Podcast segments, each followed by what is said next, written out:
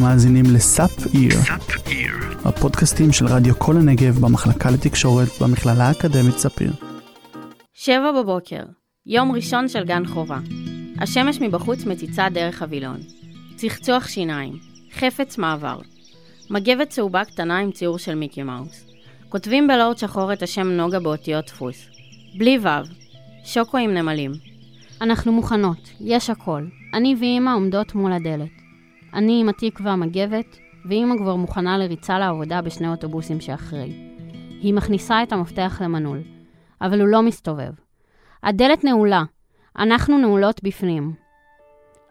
אמא מתיישבת על הרצפה מול טייפ גדול שחור ומתפרצת בבכי. אני מבינה שאבא שוב נעל אותנו בבית, הוא שוב פוגע בנו. אני בת החמש שואלת אותה מה קרה. יש שקט. ואז רעש. ואז שקט. זה הזיכרון הראשון שלי בחיים. והוא הגיע אליי במתנה בגיל 14 בצורת פלשבקים חוזרים. בעצם, הפרטים הקטנים לא לגמרי ברורים לי, כי אמא לא דיברה על זה. וכשאני מספרת את זה, אני משפילה מבט. אבל אני נשבעת לכם, אני גם מאוד מצחיקה.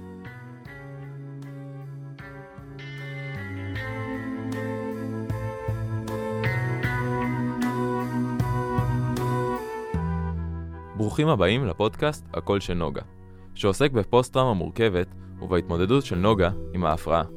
אבל קודם, בואו נספר מה זה פוסט-טראומה מורכבת בשביל נוגה. ההתמודדות שלה מורכבת מחרדות, התמכרויות, קשיים רגשיים וסיוטים בלילות. פוסט-טראומה מורכבת היא חשיפה ממושכת לאירועי טראומה. לרוב, זה קורה עם אדם מתעלל. ההפרעה הזו גורמת לקשיים בקיום מערכות יחסים מטיבות עם אנשים אחרים. בזיכרון הזה, אני אבקש מכם לשבת בנוח, להישען אחורה ולעצום עיניים, ולזכור שאתם לא חייבים לעבור את החוויה הזאת. תדמיינו שזה שישי בערב. אני יושבת באי נוחות על קצה של חלון כשהתריסים פתוחים, מסתכלת על הרחוב ללא מוצא ושומעת מוזיקה. בדרך כלל עברי לידר וריאנה. אחרי כמה שעות מתקלחים ולובשים לבן. הולכים גברים ואני לבית הכנסת. תפילה פנימית, עזרת נשים ואושר גדול. בבית הכנסת היו לי חברות אמיתיות שהרגשתי טוב איתן.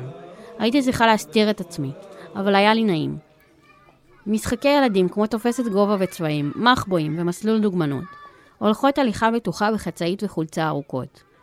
חוזרים לארוחת שישי. היום הזה שבו מתכנסים כל המשפחה. לובשים מכנס פיג'מה, אבל חולצה מהודרת. קידוש. בלי סברי מרנן, כי אנחנו פמיניסטיות ולא צריך להגיד לנשים הקשיבו הקשיבו כי הן מרכלות. עוף ותפוחי אדמה. כי אמא הבטחת לנו עוף לשבת. אחרי הארוחה אני מתלבשת ויוצאת עם חברים. נוסעים במונית לתל אביב שישי בערב. שירים ברדיו של הבן של הנהג מונית. הוא שואל, נו, מה אתם אומרים? אפילו נינת שמעה את זה. מגיעים לתל אביב להופעה של חבר קרוב.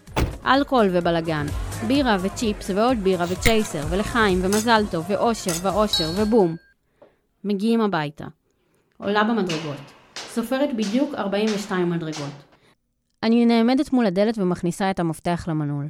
הדלת לא נפתחת. אוי לא, המפתח בצד השני בדלת וגם למעלה נעול. אין לי איך לפתוח את הדלת. בפעם המיליון אני נעולה מחוץ לבית. סבתא עשתה את זה בכוונה. כל יום ב-12 בלילה ננעלת הדלת, ואם אני מאחרת, אני ננעלת בחוץ. אז מה עושים?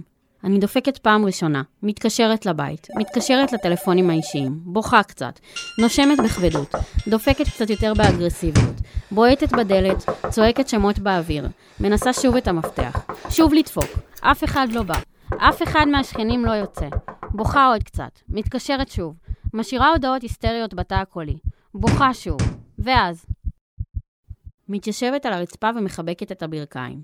זזה קצת קדימה ואחורה ונושמת עמוק. לוקחת את ה-MP3, שמה את האוזניות, שומעת Baby Break the Ice של בריטני ספירס. קמה ומתחילה לרקוד. כאילו אין שום דבר רע בעולם הזה. מדברת לאלוהים, בוכה עוד קצת, דופקת עוד קצת, נרדמת בחיבוק עם הקיר. שבע בבוקר, הדלת נפתחת. אנחנו לא מחליפות מילה. אני הולכת למקלחת, נועלת את הדלת ובוכה. הולכת לחדר, מרביצה לכרית ובוכה. הולכת לישון. וכשאני מתעוררת, אני מסתכלת במראה ורואה מתחת לעיניים את השקים האפורים של הכאב. אחרי שסבתא זרקה אותי מהבית, עברתי לגור אצל דודה שלי לכמה חודשים, ומאוחר יותר עברתי לגור עם החבר שלי יונתן. השתחררתי מהצבא וכמעט כמו כולם, חיפשתי עבודה עד שאדע מה אני רוצה לעשות כשאהיה גדולה. אני הייתי אחרי הצבא כשפגשתי אותו בפעם הראשונה. החלטתי לעשות עבודה מועדפת בבית מלון בתל אביב, והגעתי למקום שהוא פארק לצעירים. זה לא שלא היו קשיים, אבל הייתה חוויה. שם פגשתי את חן. בפעם הראשונה שעמדתי מולו הוא לבש חולצה לבנה ושאלתי אותו, אתה לא יכול להיות לבן יותר מזה? הוא אהב שעוקצים אותו. קרה בינינו משהו, וזה היה אמיתי. לכל אחד מאיתנו הייתה זוגיות משלו, אבל במקביל, התפתחה בינינו חברות נעימה מאוד. היינו צוות מושלם, חגגנו ימי הולדת ללקוחות, עשינו שמח בחתונות, עבדנו טוב ביחד, שיחקנו את הילדים רעים, אבל בסוף גנבנו רק קיסמים. עברו כמה שבועות, והתחלנו לבלות זמן ביחד, גם אחרי העבודה. הוא כעס עליי כשלא היה לי איך להגיע בשישי בערב לעיר רחוקה. ואז הוא התחיל להיות אינטנסיבי. אני הייתי לקראת הדיכאון הראשון. ערב אחד רצינו לעשות משהו משוגע. הלכנו לטייל בעיר שבה נולדתי, שרנו שירים של זמרים ישראלים, רצנו ביחד, והייתה תחושה משותפת של חופש. כשהוא הציע אותי לבית של החבר שלי, הוא משך אותי אליו ברגע שעמדתי לצאת מהאוטו. מיד שמתי את היד שלי על הפה שלו, ולא נתתי לו לנשק אותי. הוא הגעיל אותי. הגעיל אותי שהוא נוגע בי, הגעיל אותי שהוא בוגד בחברה שלו.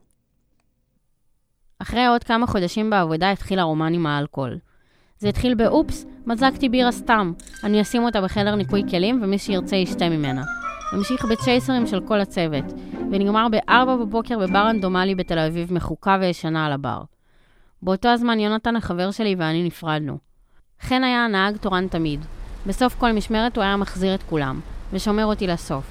ואז זה קרה. הוא עשה מה שהוא רצה ואני הייתי שיכורה מדי בשביל להגיד לא, וככה זה המשיך במשך שנה. בכל פעם שנשארנו לבד באוטו. אף פעם לא הבנתי מה מושך בלשכב עם גופה. הוא עשה דברים שאסור לעשות, אבל אני עדיין זוכרת.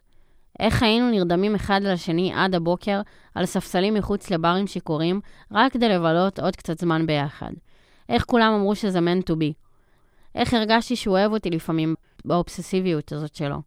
שהוא אמר לי, את יודעת, אין משוגעים כמוני, אני אסע גם לאילת. אבל לא שוכחת, שאהבת אותי רק כשהייתי מלכת הכיתה, שלא חמלת עליי, שאהבת אותי רק עם תנאים, בדיוק כמו סבתא, שהאשמת אותי שבגללי חטפת התקף לב למרות שזאת הייתה חרדה, ושרק רציתי שתהיה לי לחבר אמיתי, כי כל הזמן הזה הייתי לבד. לפני שנפגשנו בפעם האחרונה החלטתי שהפעם זה יהיה אחרת. תרגלתי מול המראה את המילה לא. כשהוא הגיע אמרתי לא. ביקשתי די. לא רוצה. תפסיק. הוא אמר שאני משוגעת וצחק. שאם הוא בא עד אליי אני חייבת לתת. אחר כך אני לא זוכרת מה קרה. מיד אחרי זה הוא הלך.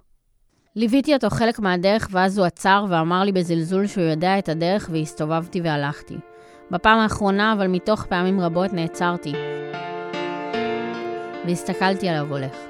ואמרתי לעצמי, זאת הפעם האחרונה. ביי לך. אתה משוגע. יום אחרי זה לא הצלחתי להוציא את הראש מחוץ לשמיכה. התחבאתי שעות בתוך המיטה. בסוף קמתי והכנתי קפה. התקשרתי וסיפרתי לחברה את כל מה שקרה. היא אמרה לי, נוגה, את יודעת איך קוראים לזה? את המילה הזאת, עד היום, אני מפחדת להגיד. פה התחילה ההידרדרות. חלק ממנה היה המפגש שלי עם המונח פוסט-טראומה מורכבת. אותו הסבירה לי הפסיכיאטרית באשפוז יום. כשהיא אמרה את זה, הוצפתי בהמון רגשות. לא כולם שליליים דרך אגב. הייתה בהבחנה הזאת סוג של נחמה והקלה. וזאת הייתה רק ההתחלה. אלו היו הפלשבקים שהחזירו את נוגה לטראומות שלה. יצרה את הפודקאסט זוהר אמור, ואני, ניר גבעתי, על העריכה. תודה לעידו אריאל שסייע לנו בהכנת הפרק, שחר סימון על המוזיקה המקורית, והלל קסדו על התמיכה. בפרק הבא, נוגה מתחילה להתמודד עם ערים של כאב.